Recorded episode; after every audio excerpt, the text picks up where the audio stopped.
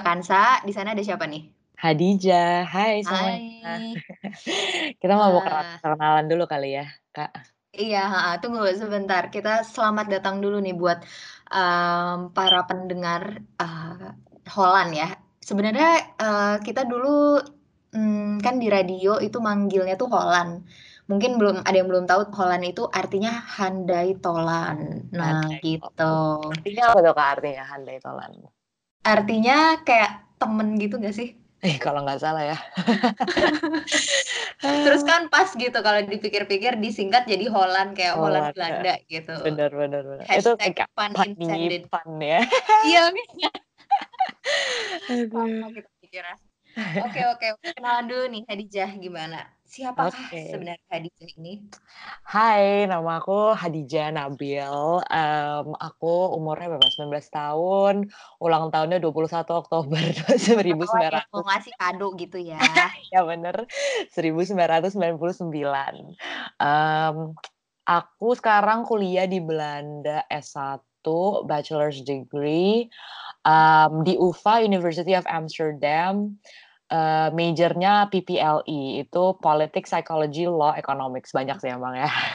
Kayak semuanya gitu. Kalau di uh, Indo kan kayak fakultas uh, ada Visipol apa Fakultas Ilmu Ilmu. Sosial dan Ilmu Politik tuh sendiri. Ah, Terus ah. FEB Fakultas Ekonomi dan Bisnis sendiri gitu. Kalau yang ini Terus apalagi tadi psikologi juga ya? Politics, juga beda lagi. Psychology, Law, Economics emang banyak sih. Iya, kayak I have to know them all gitu. Biasalah namanya juga orang labil gitu kan. Nah, Hadijah Nabil, Hadijah labil gitu Oh kan. iya Oh, bener ya. funny ya kita sekarang hari ini. Hashtag Aduh. pun intended. Oke. Kalau Kak Kansa gimana nih? Kak Kansa tuh siapa sih sebenarnya? Um, Oke, Ah, halo semuanya. Kenalin nama aku Kansa Irsalina, panggilannya Kansa. Um, oh ya, sebelumnya sorry nih, uh, Hadijah sama aku tuh gak ikutan pas di episode perkenalan episode 0 ya, Hadijah. Ya, sorry banget. Oh my god, sibuk. ah, sama. Eh, kalau aku sih gak sibuk, cuma kebetulan lagi gak bisa aja gitu. Gabut, gabut sebenarnya. Em, iya, jadi uh, makanya kita baru kenalan di sini gitu. Ah, terus kalau aku itu, kalau Hadijah S1, aku sekarang uh, kuliahnya S2 master, jurusannya Sustainable Energy Technology. Ooh, Jadi interesting. buat yang nggak tahu sustainable energy ya itu mirip sebenarnya intinya sama lah sama renewable energy kayak energi uh, wind energy, solar energy kayak gitu-gitu. S1-nya di mana Kak S1-nya? Eh, eh, bentar, S2-nya dulu nih. S2-nya di Oh, iya. eh, University of Twente atau disingkatnya UT eh, di kota Enschede. Jadi jauh banget nih dari Amsterdam. Eh, tiga, tiga jaman. Hadijah pernah nggak sih ke sini? Pasti nggak pernah ya kan? Belum sih. Aku jarang Karena- banget kira keluar Amsterdam, sumpah. Oh, gitu. Habis ya Amsterdam tuh kayak you can find everything there gitu. Bener sih. Nggak, jadi nggak perlu ngapain gitu loh keluar ya kan? Rata-rata juga teman-teman aku yang di luar kota pada kayak, aduh Amsterdam enak banget sih gitu. So kayak, "Hmm, iyalah pastinya. Nah, karena kayak men- mending orang yang di luar kota ke Amsterdam daripada orang yang di Amsterdam keluar kota Keluar gitu. kota, iya bener. Heeh. Nah, jadi Enschede itu letaknya di pinggir-pinggir Belanda sebelah timur gitu, udah deket-deket sama perbatasan Jerman, makanya em, jauh. Oke, terus habis itu S1-nya ya tadi Hadijah. Iya, Eh, satu di mana Kak? mm, S1-nya di eh, UGM, jurusannya Teknik Kimia. Tahun angkatan masuknya tahun 2011. Nah, jadi eh, halo semuanya buat yang angkatan 2011, kita udah tua. Enggak lah, enggak tua. Masih S2, masih baru aja lulus. Enggak, tenang lah. Kapan nih? Enggak lah bercanda. Itu udah pertanyaan lewat pas lebaran kemarin ya. Waduh, iya sih. Banyak Jadi walaupun lebarannya tuh nggak ketemu keluarga, tapi eh, di telepon tuh tetap gitu ditanya. Itu tuh kayak wajib gitu. harus ya. Pasti pertama tuh ditanya, eh, pertama tuh kayak, aduh gendutan, atau kayak aduh kurusan ya gitu. Itu kalau ketemu kan. Nah, heeh. Jadi at least kalau nggak ketemu tuh eh, terhindar lah dari pertanyaan semacam itu kan. Tapi kalau pertanyaan kapan nikah itu nggak bisa dihindari sih. Nggak bisa ya. Aduh, emang sih. Kalau jawaban yang apa namanya? Apa ya? Jawaban pamungkasnya gitu, iya kalau nggak hari Sabtu hari Minggu gitu. hari Sabtu hari Minggu. Bukannya Hmm. biasanya kayak may maybe yes, maybe no gitu kan.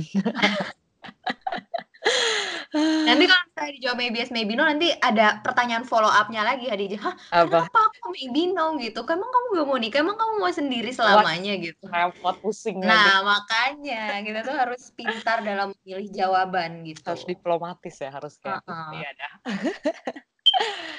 Kenapa kita jadi ngomongin nikah ya?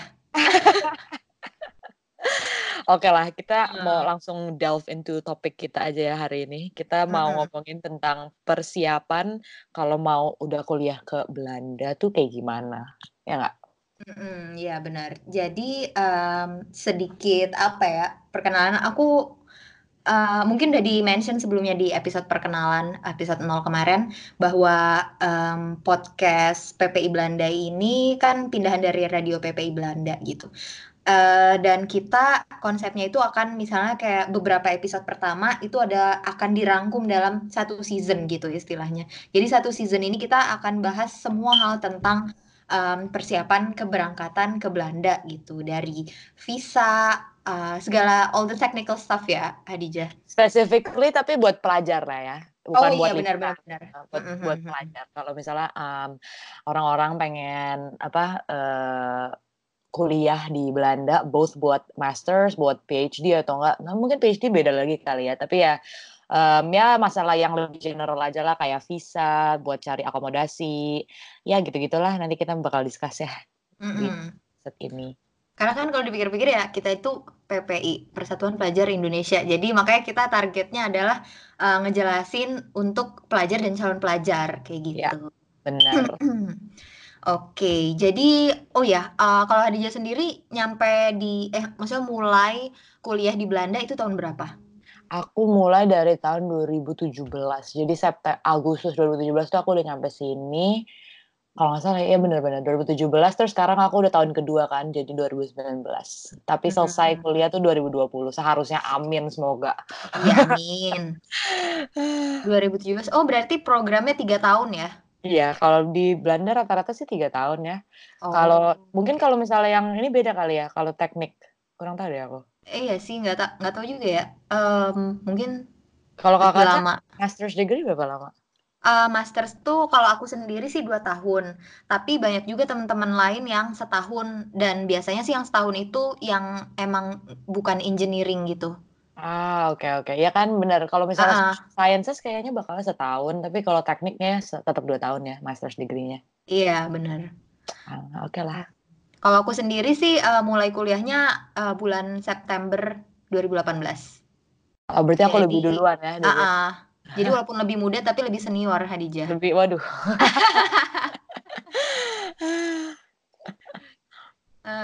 Oke oke oke. Jadi kita masuk ke topik pertama, eee, sorry, poin pertama yang harus disiapin. Jadi mungkin kita kayak, mmm, jelasinnya kronologis gitu ya kali ya, Khadijah. Hmm. Misalnya, mmm, eee, as a background dulu nih, kita nggak akan bahas soal kayak, eee, gimana persiapan memilih jurusan atau persiapan memilih universitas gitu atau beasiswa karena, mmm, itu nggak itu nggak masuk ke topik kita hari ini ya. Skenarionya udah di eee, udah dapet universitas, tinggal jalan aja dan udah diterima juga dari, eee, universitasnya, terus sekarang tinggal jalan, harus siapin apa aja, ya kan? Iya, jadi technical stuff after, um, you receive your LOA gitu. Mhm. Eee, nah, jadi, mmm, buat yang udah keterima nih pastinya kete eee, biasanya akan menerima email letter of acceptance dari, eee, universitas masing-masing atau Ya. LOA. Nah, terus habis itu kan kita, eee, biasanya disuruh untuk konfirmasi apakah akan diterima atau enggak gitu kan. Nah, jadi kalau misalnya udah fix mau, ya udah kita konfirmasi gitu ya. Dan habis itu apakah yang terjadi, mmm, kalau untuk in most cases setelah, eee, kita konfirmasi enrollment kayak gitu, eee, kita akan dikasih tahu bahwa mmm, sorry, kita akan dikirimin email untuk persiapan apply visa kayak gitu. Jadi, mmm, universitas sendiri tuh ngebantu ya kan untuk, eee, apply visa. Sama kan ya di UVA juga gitu ya? Di UVA bener sama, cuman um, kita beda sih termnya kalau uh, Kak Kansa bilang apa LOA ya. Kalau kita tuh kalau nggak salah Declaration of Enrollment deh. Jadi sebenarnya oh, sama aja sih jatuhnya kayak udah diterima, terus juga udah udah dapat dari universitasnya juga udah dikirimin email kalau udah diterima juga. Tapi uh, termnya aja beda. Mungkin kalau misalnya takut ada misunderstanding, kalau misalnya di UVA sih biasanya Declaration of Enrollment atau enggak yang LOA itu singkatannya apa sorry? Uh, letter of acceptance. Ya, letter of acceptance. Ya, antara itu dua. Itu artinya udah diterima. Terus sekarang, terus ya mereka juga bakal email sih ke kita tentang um, izin tinggal, residence permit, sama visa kan. Jadi hmm. pertama-tama itu kalau aku sendiri um, dapat, aku aku harus apply visa buat yang tiga bulan dulu. Nah pas oh, aku gitu. Iya, kalau aku tuh apply visa buat yang tiga bulan, dapat dari paspor. Pokoknya aku ke embassy kan, ke embassy. Uh embassy ya apa embassy-nya Belanda di Indo ke embassy Belanda di Indo apply buat uh, student visa. Apply buat student visa di sana pokoknya pakai dokumen-dokumen biasa lah kayak akta kelahiran um, uh, terus juga email dari sekolahnya juga kalau nggak salah aku juga harus kasih ke embassy-nya biar kasih tahu kalau aku tuh udah diterima di universitas ini uh, tinggal minta um, residence eh sorry tinggal minta student visa dari embassy. Nah aku pokoknya udah kirimin dokumen itu semua ke mereka. Terus kayaknya kalau nggak salah itu cuman seminggu sih aku nunggunya um, ya plus minus lah seminggu nunggu um, kabar dari mereka lagi dan dapat visa aku. Paspor aku juga udah dicap dengan visa student visanya tapi itu tulisannya cuma buat tiga bulan di Belanda. Nah, hmm. baru pas nyampe Belanda tuh apply lagi buat residence permit di sini beda lagi karena itu ya. Mm-hmm. Oh iya iya, iya. sebenarnya sama sih. Um, itu untuk iya untuk tiga bulan juga sih aku kalau nggak salah kayak gitu. Ya kan? Uh-uh. Karena kalau lebih dari tiga bulan ya emang harus punya residence permit kan di sini. Mm-hmm. Nah, jadi kalau um, kalau pengalaman aku sih setelah aku konfirmasi itu aku dikirimin email disuruh kirim tiga hal.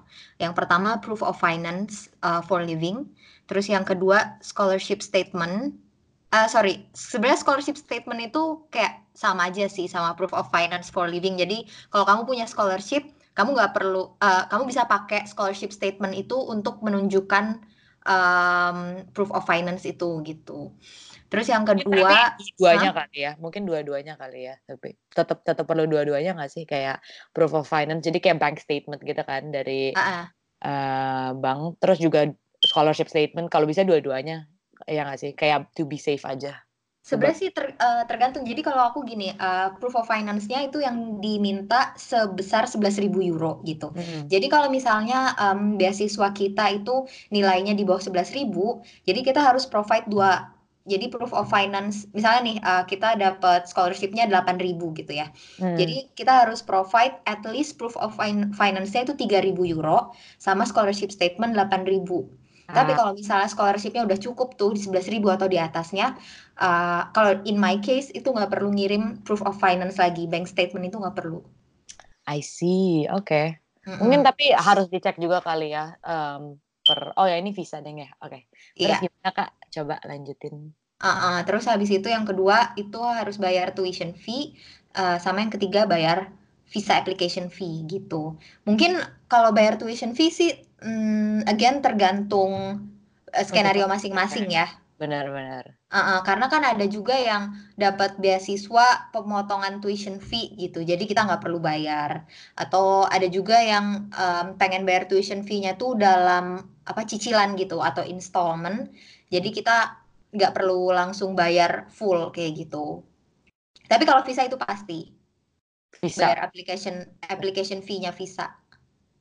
Kalau punya buat Kak Kansa berapa application fee-nya? Kalau aku dulu tahun 2018 itu 192 euro. Hmm. Kayaknya aku juga sekitar segitu deh, tapi aku kurang ingat juga sih berapa ininya. exact numbernya berapa. Iya, jadi sekitar 3 juta gitu. 3 juta rupiah. Iya. Hmm, terus ya gitu terus dikasih deadline kan harus kirim segalanya itu uh, kapan. Kalau aku sih waktu itu dikasih infonya tanggal 22 Mei. Terus deadline-nya tanggal 1 Juli. Jadi kita punya waktu sebulan lebih untuk provide semua itu gitu. Lumayan lama sih satu bulan lah ya. Mhm, iya, lumayan lama sih. Terus habis itu kalau kamu gimana setelah setelah apa, ngambil paspor oh iya aku juga harus ngambil paspor sih, sama sih. Ya Jadi kan kalau dikasih ke embassy seingat aku. Aku paspor paspor aku, aku kasih ke embassy, nanti aku balik lagi selama kayak tunggu seminggu atau 2 minggu kalau nggak salah, terus udah dapet deh visanya habis itu. Dan jadi tinggal langsung jalan habis kalau udah dapet visanya di dalam paspor aku. Mmm, oke. Kalau aku sih, eee, sebenarnya ada tahap yang bagian itu sama, cuma mencapai tahap itu tuh, eee, aku inget itu agak lama nunggunya. Jadi kalau, eee, case aku, setelah aku provide segala macam itu ya, scholarship statement, proof of living, Mhm. eee, dikirim ke student services, eee, universitas, itu aku harus nunggu mereka ngemail balik bahwa dokumen aku udah di-approve gitu. Jadi, eee, merek student services itulah yang ngasih dokumen itu ke nggak tahu embassy atau apalah gitu ya, embas mmm, atau imi bagian imigrasi Belanda, aku juga nggak tahu. Pokoknya Ah. mereka yang ngurusin dan kita harus nunggu itu di-approve. Nah, itu tuh agak lama sih. Jadi aku di-approve-nya itu tang eee, tanggal 1 Jadi kalau secara informal. Agustus, sorry.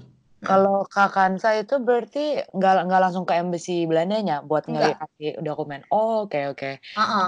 Aku sih kemarin soalnya nggak langsung ngasih ya. Wah, ber ber berarti apa, rada beda juga ya kita. Ternyata iya sih, aku juga baru tahu. Jadi kalau aku tuh ya gitu, mmm, lama juga kan soalnya aku tuh jadi provide semua itu sekitar awal, eee, Juni ya kalau nggak salah. Awal Juni apa awal Ju iya awal Juni kalau nggak salah. Terus habis itu, mmm, kan aku follow up terus tuh ke student service. Karena kan udah mau berangkat ya Agustus gitu. Bener. Eee, jadi mereka tanggal 1 Agustus akhirnya bilang, eee, "Udah nih di-approve sama embassy or something like that," gitu. Tapi kita belum bisa ngasih email resmi karena kita nunggu apalah gitu kan. Tapi Mhm. dia udah ngasih, eee, ada hal yang penting nih yang dia kasih yaitu V-number. At eee, jadi V-number ini bisa kita pakai untuk bikin appointment, mmm, ke embassy di Jakarta gitu. Ya mungkin kamu sama juga, sama nggak kamu, eee, bikin aku appointment dulu? Iya kalau nggak salah iya bikin appointment sama embassy kan untuk kasih dokumen-dokumen kita kan? Iya. Jadi kita bikin appointment online gitu ada website-nya namanya vfsvisaonline.com, eee, bisa di-Google aja. Jadi kita masukin V-number itu, terus habis itu kita pilih jadwalnya. Nah biasanya jadwalnya itu udah, mmm, fully booked sampai sekian minggu gitu. Biasanya ya, soalnya ini visanya bukan cuman buat, eee, pelajar doang ya, jadi kayak Heeh. pelajarnya buat orang-orang liburan juga kan masuknya lewat sini juga. Jadi, mmm, ya bakal banyak sih orang yang mau ke Belanda kan ya. Iya bener. Jadi, mmm, kalau tips aku sih setelah kamu dapet V-number itu langsung aja deh, mmm, apa namanya, bikin appointment. Kalau enggak nanti bakal, mmm, mundur lagi gitu loh, karena ngantri. Iya bener. Hmm, terus habis itu kan, Habis eee, itu kan udah di seharusnya sih udah di-approve ya kalau sampai situ? Iya, heeh, jadi kan udah di-approve makanya kita udah boleh ke sana dan ke sana itu kan kita ngasih dokumen kayak form gitu yang diisi sama paspor kan, kita titipin gitu ya ke sana, sama kan kita. Mhm. Heeh, terus habis itu, mmm, setelah dititipin kan itu didiemin beberapa lama gitu ya, kalau kamu seminggu ya. Kalau nggak aku, salah aku ya. nggak inget sih 1 apa 2 minggu gitu. Sekitar Jadi segitulah seminggu, 2 mingguan. Mhm. Nah jadi, eee, kita tuh bisa nge-track di online juga, eee, gimana status visa kita, apakah paspornya udah bisa diambil atau belum, kayak gitu. Nah jadi Ya. in my case, jadi aku tuh sih, eee, pengalaman aku tuh sangat mepet gitu, serba mepet gara-gara aku nungguin, mmm, hasil beasiswa gitu kan. Makanya, eee, baru bisa proses setelah keterima beasiswa itu. Jadi aku, eee, serba mepet nih, eee, makanya aku tuh follow up terus, walaupun bisa nge-track via online, tapi aku juga nelfon gitu loh ke embassy, "Udah belum yang, eee, atas nama ini?" Kayak gitu. Sampai waktu itu suatu hari, eee, dia bilang, "Oh udah kok," gitu, terus aku bilang, "Loh kok di online belum muncul?" Gitu. Mhm Jadi di online itu masih belum dibilang selesai, terus katanya, "Oh kok bisa ya?" eee, "Udah kok ini kamu datang aja besok," kayak gitu. Emang suka kayak gitu sih ya, administrasinya kurang bagus TBH. Nah, Tapi ya gitu makanya, eee, tips kedua nih dariku, eee, setelah eee, selain cepet-cepet bikin appointment di embassy, tips kedua adalah kamu harus kalau buru-buru ya, harus follow up dengan cara nelpon ke embassy-nya. Karena Hmm. bisa jadi yang online tracking itu nggak terlalu update. Nggak maksudnya apa ya Nggak akurat ya, nggak akurat. Mungkin dia telatnya 1 atau 2 hari doang gitu ya di online, tapi kan kalau misalnya kita lagi, mmm, buru-buru tuh ya pengennya serba cepet Harus, gitu. Mhm. Jadi kalau aku ya agak-agak drama lah waktu itu. Nah, Deg-degan gitu. it Kalau kamu kayaknya lancar aja gitu ya? Lumayan sih kayaknya, cuman, mmm, ya deg-degan juga lah namanya juga mau ke luar negeri kan, terus nggak sama orang tua lagi. Kayak, aduh gimana ya? Iya. Serem Apalagi juga. kamu baru lulus SMA nggak sih? Iya, aku baru lulus. Langsung dibuang, nggak deng bercanda. Itu aku sendiri yang mau aku sendiri yang mau. Iya iya iya. Love you mom, love you dad. Takutnya dengerin ya soalnya. Iya takutnya. Nggak dibuang kok, nggak dibuang. Nah, Mmm. habis itu kalau misalnya udah diterima, udah dapet visa, udah oke semuanya, apalagi step Mhm. Eee, selanjutnya itu adalah, eee, cari housing. Sebenarnya housing tuh bisa in parallel sih sebenarnya In ya. paralel sih. Oh house sebelum jauh sebelum udah diterima jauh sebelum udah diterima di universitas apa pun, harus cari housing di Amsterdam. Pokoknya dari kayak kelas 11 kalau udah kelas 12, Ah, tahu mau masuk serius? mana, udah tahu mau masuk mana, eee, misalnya udah tahu kuliahnya mau di Amsterdam atau mau di Belanda general, enggak sih Amsterdam sih, Amsterdam parah sih housing-nya. Kalau di. Enschede aku nggak tahu deh, lumayan ini nggak, mmm, ini apa ini, nyari Enggak, housing-nya nggak sesusah yang pastinya nggak sesusah, eee, Amsterdam sih. Karena, mmm Amsterdam parah banget sih. Iya sih, aku aku juga denger kayak gitu ya. Dan udah gitu di Amsterdam tuh mahal-mahal lagi kan. Iya. Jadi, eee, buat dapet good price tuh pasti harus usaha lebih keras gitu ya. Tapi dari sebenarnya dari kalau misalnya aku sendiri ya, mmm, apa, pengalaman cari housing di Amsterdam itu, pas pertama kali aku nyampe sini kan aku ada keluarga, untungnya aku ada keluarga ya. Mhm. Jadi, mmm, aku tinggal dulu di rumah om aku selama 3 bulan. Nah, habis itu aku sambil nyari-nyari juga kan, eee, di Amsterdam lebih gampang memang sih bener lebih gampang nyari housing pas udah nyampe di Amsterdamnya. Cuman kan pasti kita kan namanya Indonesia jauh ya dari yang di nggak ya minggu Belanda, eee, jadi cuma bisa via internet kan. Nah, mmm, kemarin sih emang jalan juga juga dari, eee, website website student housing, contohnya tuh kayak student student warning kalau nggak salah ada tuh, mmm, aku juga nyari lewat situ atau enggak dari Duo atau enggak dari The Key. Mmm, itu sih, eee, beberapa website-website yang bisa dicek aja. Jadi ada Duo, D-U-W-O, Mhm mmm, mhm, itu, tahu tahu. eee, student housing juga, The Key, D-E-K-E-Y, The Key itu juga, stu website yang bisa dicek. Kalau enggak student warning, S-T-U-E S-T-U-D-E-N-T-E-N warning, wo W-O-N-I-N-G. Nah itu student warning.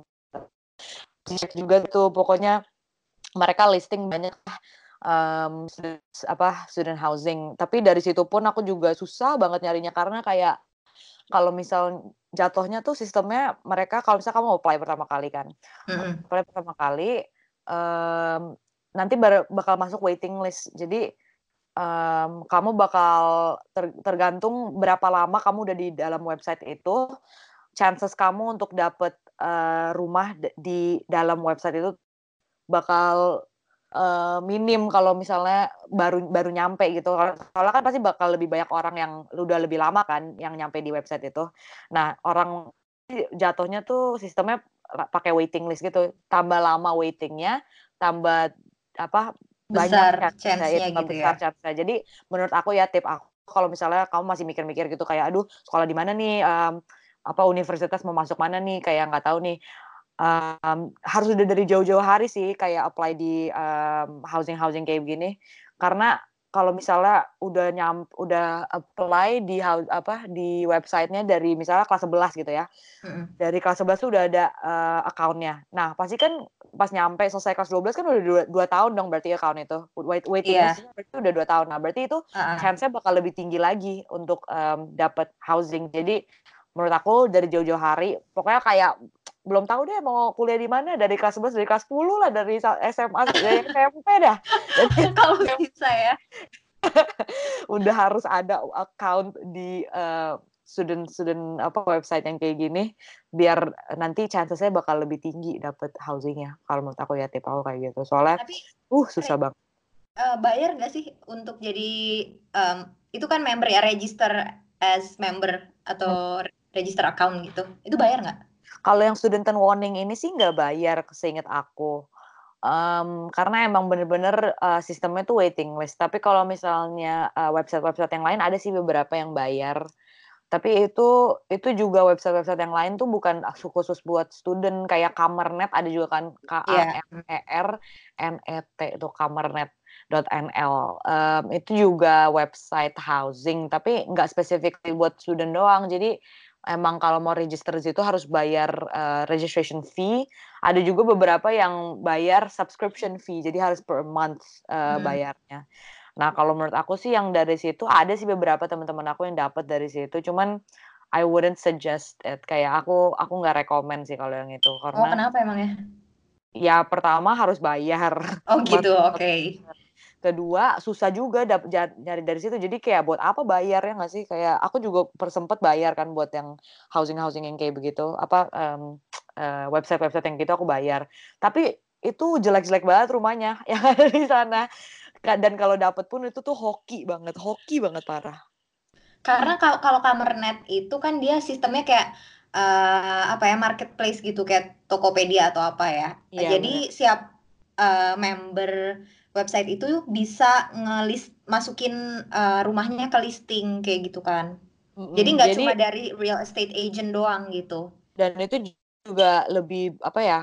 lebih prone ke uh, scam gitu loh. Jadi orang bisa bisa bisa lebih ada banyak kejadian penipuan tuh dari um, kamarnet dan housing housing website yang kayak gini. Tapi kalau warning itu tuh emang dari housing housing yang udah apa ya terakreditasi lah pokoknya udah Waduh. udah udah uh, terjamin kalau itu tuh housingnya ada dan nggak um, bakal ditipu kalau yang dari student one tapi susah da, um, at the other end karena susah waiting list itu ya? iya susah untuk dapetnya karena waiting list kan. Jadi kayak orang-orang yang lebih lama kasusnya bakal lebih tinggi untuk dapet. Hmm. gitu. Oke jadi karena kamu tinggalnya di Amsterdam makanya struggle, lebih struggle gitu ya. Lebih struggle Jadi, sih. So, kalau aku sih kebalikannya dari kamu. Jadi kalau misalnya kamu tadi visanya lancar dan housingnya susah, kalau aku visanya agak ya sebenarnya bukan nggak lancar juga sih, tapi agak deg-degan gitu. Terus housingnya sih gampang sih, alhamdulillah. Jadi kalau aku ya sebenarnya ini karena aku juga tinggalnya di kota yang nggak sebesar Amsterdam ya, uh, dan di pinggiran gitu. Jadi kalau in my case setelah um, visa itu di-approve, student service dari kampus itu ngasih uh, apa ya? ngasih assistance untuk nyariin rumah gitu. Karena kalau di UT itu ada student housing di dalam kompleks um, kampusnya. Jadi kayak dorm gitu ya, enak ya Iya, gitu. Oh di Dan, Amsterdam gak ada dorm kayak begitu. Iya boro-boro lah itu orang mau di mana gitu loh ditaruhnya. Makanya. Um, iya jadi kalau di sini uh, apa kompleks kampusnya tuh besar gitu terintegrasi jadi ada bagian housing ada bagian um, fasilitas fasilitas olahraga ada bagian kampusnya dan housingnya sendiri itu nggak cuma dalam bentuk dorm. Maksudnya kan kalau dorm kamu bayangin um, kamu harus live in uh, share the kitchen with 10 people or something. Dan hmm. emang iya ada yang kayak gitu. Cuma ada juga yang bentuknya itu studio gitu. Dan ada juga yang bentuknya apartemen. Apartemen tuh maksudnya jadi um, kamu sharing cuma bertiga doang gitu. Sharing okay, okay. kitchen atau sharing bathroomnya itu cuma tiga bertiga. Um, Kalau aku dan sih personally hmm. lebih enak tinggal sama orang ya. Aku nggak tahu, aku nggak bisa sih tinggal sendiri kayaknya. Udah pernah nyobain first year tinggal sendiri dan itu kayak, aduh nggak enak ya, apalagi kayak baru baru ini kan, baru dari negara apa, baru pulang Nyampe baru gitu ya? baru nyampe, baru jauh dari orang tua, jauh dari teman-teman SMA, kayak rasanya tuh kayak, aduh lonely sekali ya. Dan itu aku first year kan studio, tapi uh, second year akhirnya sekarang aku tinggal sama beberapa teman-teman aku dari major aku sendiri. Tapi tergantung sih, tergantung kalian juga. Maksudnya kayak maunya yang sendiri, soalnya kayak lebih pengen private aja atau enggak sama orang-orang lain bisa dua-duanya kan. Opsinya kan dua-duanya juga. Hmm, oke oke oke. Kalau aku sih, jadi uh, kan tadi dikasih apa dibantu sama student service untuk cari rumah ya udah pas Uh-uh. dia offer dan itu kan emang sebenarnya emang ngantri juga gitu loh jadi kita nggak benar-benar bisa milih aku maunya di tempat yang kayak gini gitu nggak bisa jadi dia tuh cuma ngasih aku ngasih kamu opsi ini gitu ya udah kalau aku langsung ambil aja daripada nggak punya rumah gitu kan pas nyampe sini benar benar benar. hmm. Kalau di UVA ya, kalau Amsterdam sebenarnya ada juga kan sistem kayak gitu. Um, jadi ke dari universitas sendirinya juga di, dibantu kan buat nyari housing, apalagi buat first year. Dan ini emang sistemnya tuh um, specifically cuma buat first year aja. Uh, karena emang mereka tahu cari housing di Amsterdam tuh susah banget. Nah, bisa apply ke housing itu, terus nanti bisa taruh kayak maunya tuh yang kayak gimana, maunya studio, maunya sama berapa orang, terus juga bisa taruh um, harganya, jangkauan harganya tuh nyarinya yang sekitar seberapa, terus juga ada kalau nggak salah juga ada lokasi, lokasinya mau yang di mana lebih dekat Amsterdam atau lebih jauh nggak apa-apa gitu. Itu Hmm. ada juga sih sebenarnya sistem gitu dari universitasnya sendiri. Cuman aku kemarin nggak sempet ini, nggak sempet ikutan karena pertama aku udah telat. Jadi kan emang juga mereka first come first serve basis gitu kan. Jadi yang lebih cepat pasti yang lebih dapetnya paling cepat kan. Uh, kedua juga mereka ada registration fee-nya dan registration fee-nya juga lumayan mahal waktu itu karena jatuhnya jadi kayak housing agency gitu. Jadi kita kasih mereka duit, mereka cariin kita um, apa namanya rumah. Nah, kalau misalnya mereka nggak dapetin rumah ya duitnya balik. Cuman kalau dapet ya duitnya nggak balik buat mereka jadinya. Jadi kayak housing agency gitu jatuhnya. Hmm, gitu. Oke oke oke. Dan by the way soal rumah merumah ini um, kan tadi kita ada mention studio, apartemen, dorm kayak gitu. Uh, itu akan dibahas lebih lanjut uh, bareng Akbar sama Ingrid sih di episode 4 karena mereka akan bahas khusus semua hal tentang um, how to find accommodation and uh, especially cheap accommodation gitu kalau bisa. Mm -mm. Jadi kita nggak akan dive into Terlalu uh -huh. deep ya. Ya, kita akan uh, ngomongin soal persiapan-persiapan lain lainnya gitu. Jadi habis ini setelah um, housing apa lagi nih Hadijah? Habis housing um, kalau di Amsterdam eh, kalau di Belanda itu kita tuh harus punya asuransi. Asuransi kesehatan.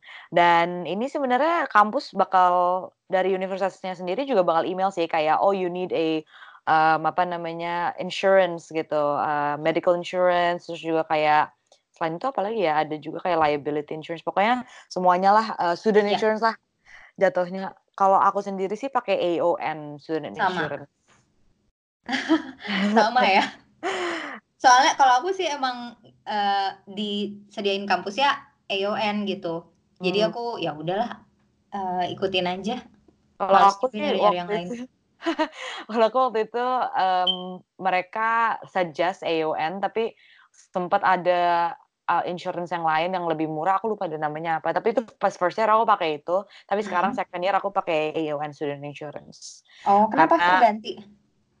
Mmm, aku perlu Dutch basic insurance. Jadi juga tergantung sih sebenarnya sama, mmm, apa, ini masing-masing. Karena kalau emang mau part time job di Belanda, Mhm. harus pakai Dutch basic insurance dan itu €1.000 per tahunnya.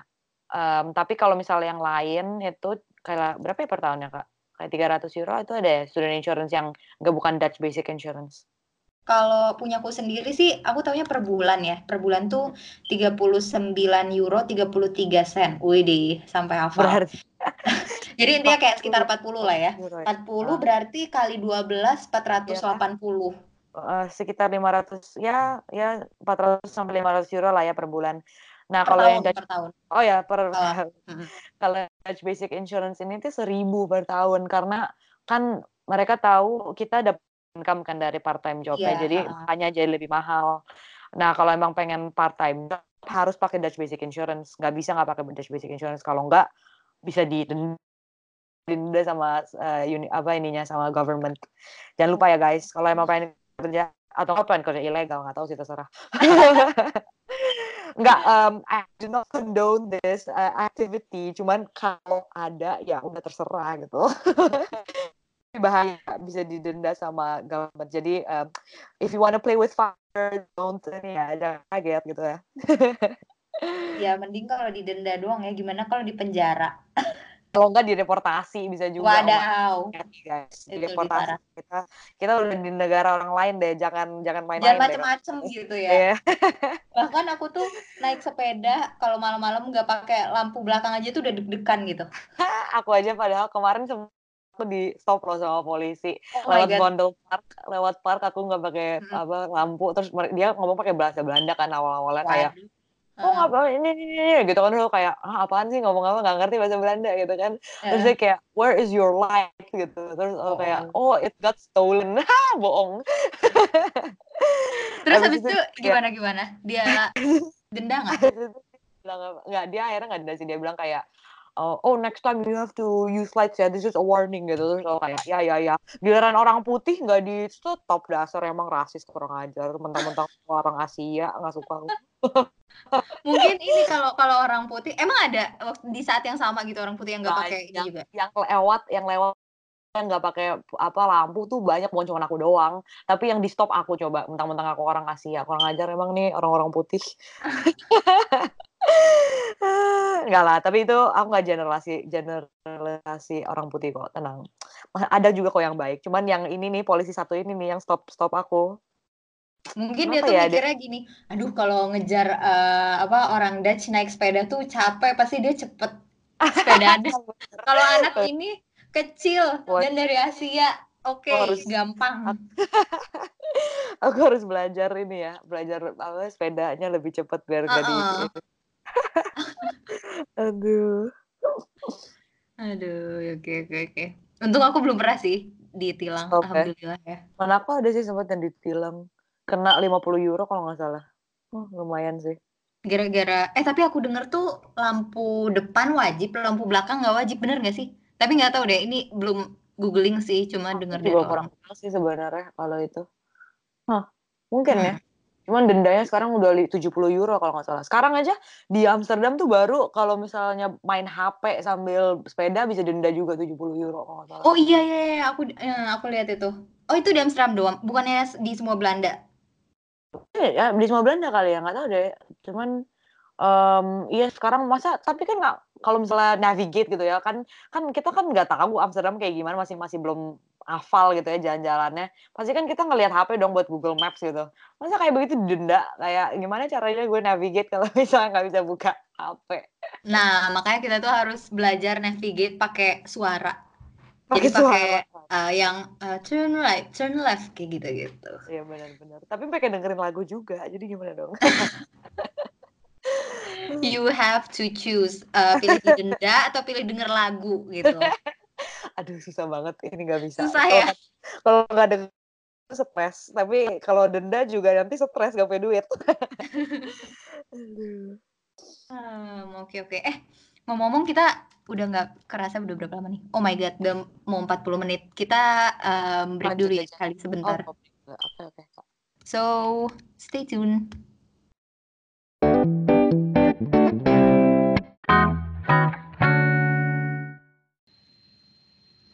Hi Holland, we are break. Eh, kok we are, We are break. we are back. We are back from Oke our lah. break.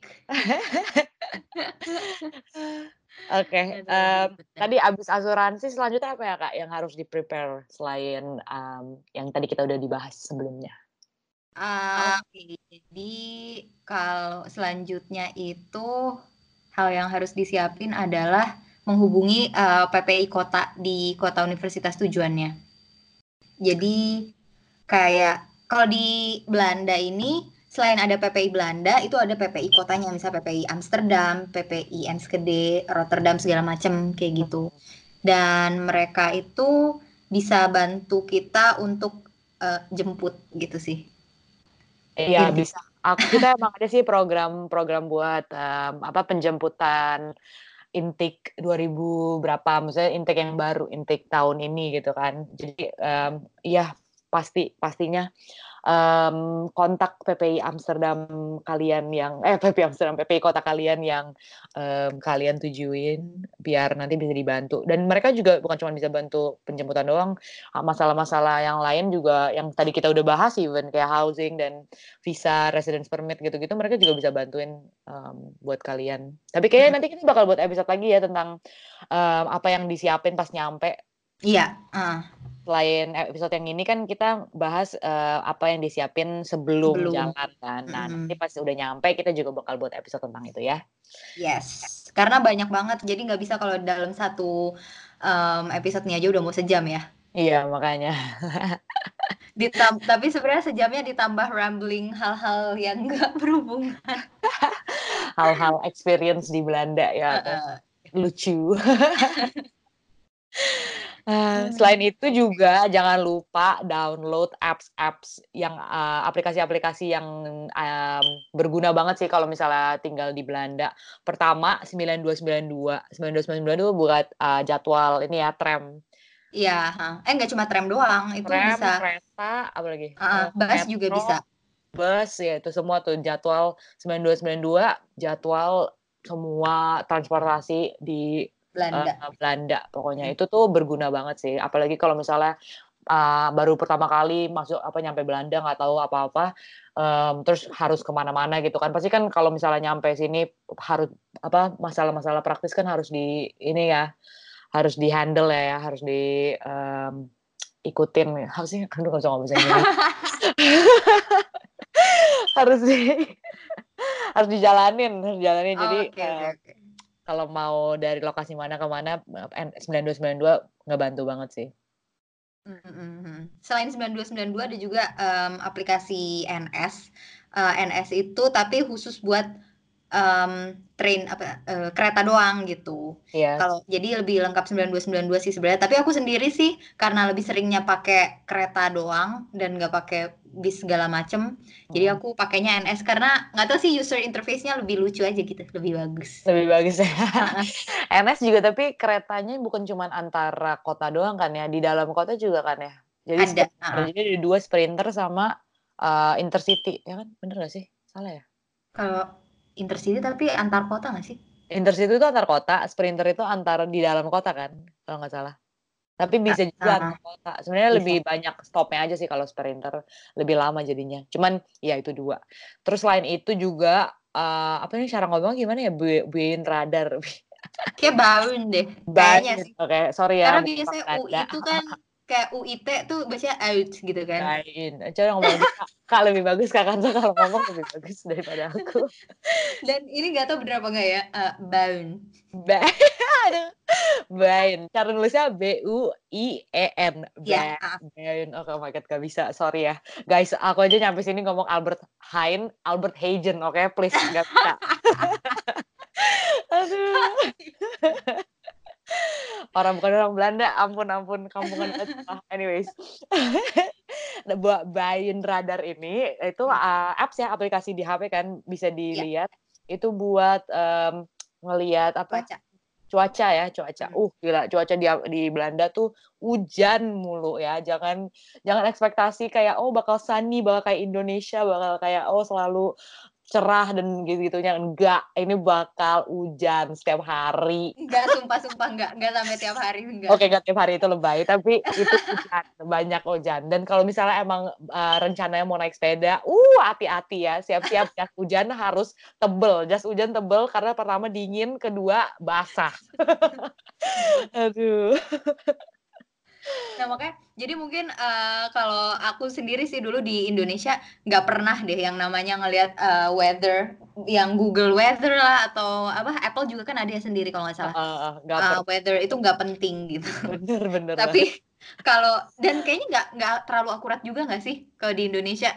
Aku Kayaknya merasa ya. kayak gitu sih. Aduh, Nah. tambah lama, tambah ke sini, tambah nggak akurat sih. Climate change is real, guys. Climate Oh change God. is real.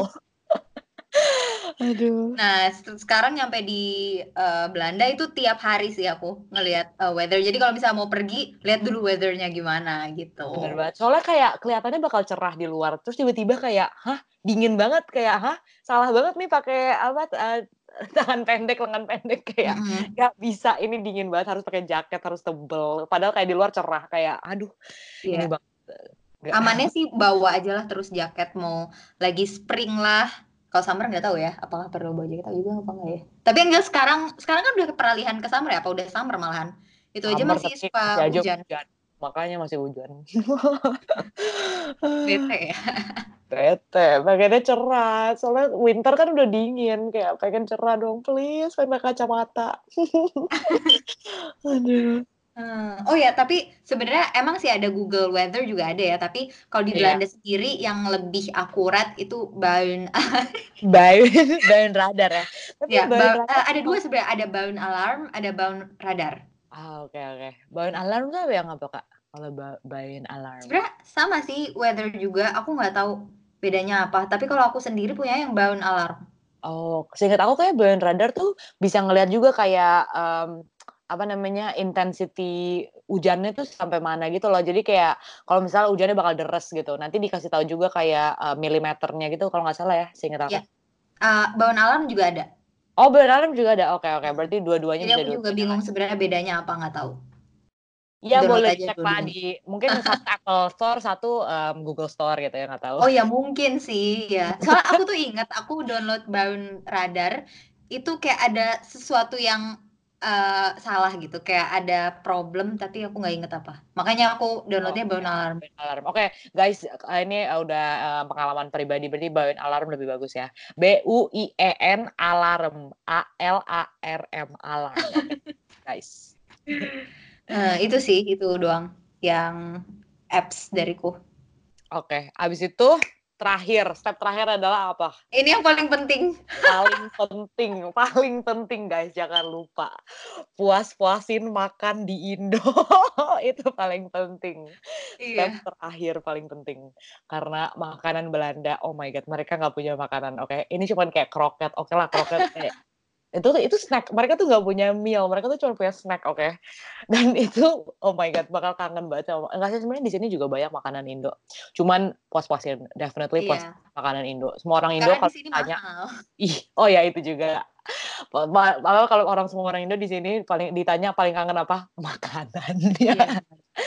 fix banget oh my god. Oh, kecuali kalau kamu kan kerja di restoran Indo kan, itu tiap hari dapat makanan Indo nggak? Iya, setiap kali kerja sih aku eh, dapat sih makanan Indo, cuman nggak asik ada banget. tandingannya sih sama makanan Indo di Indo. Aduh, Iya, Gila. pasti rasanya beda gitu ya. nggak bisa sih Kak, sumpah. Karena nyampe Indo fix banget aku kalau misalnya eh, pulang pertama apa? Sate. Sate Sate taichan. apa? Sate taichan aduh, enak banget. Oh, sate taichan. Stres. Atau enggak, oh my god, aku aja kangen sama Bami GM coba. Aduh, aku nggak tahu, udah nggak tahu lagi. Pokoknya kayak warteg-warteg semua. GM yang sebenarnya bisa ditemukan di mana-mana gitu ya. Yang dulu pas kalau di Jakarta kayak we take for granted gitu. Iya, Ah, oh Bami my GM ngapain ke sana gitu.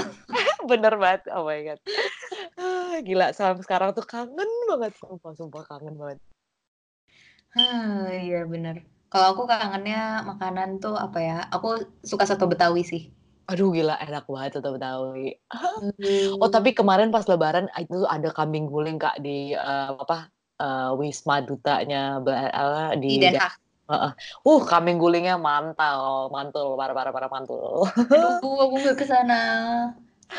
Aduh. Soalnya tadinya mau ke sana cuma uh, harus kuliah dan ada presentasi kebetulan harus presentasi. Kalau nggak presentasi, kalau cuma kuliah biasa mah ah, boro-boro aku bolos aja. Iya, teman-teman aku juga banyak sih yang kayak gitu yang nggak bisa ikut gara-gara presentasi sama tesis kalau nggak salah. Jadi kayak ya ya udah kasihan mereka.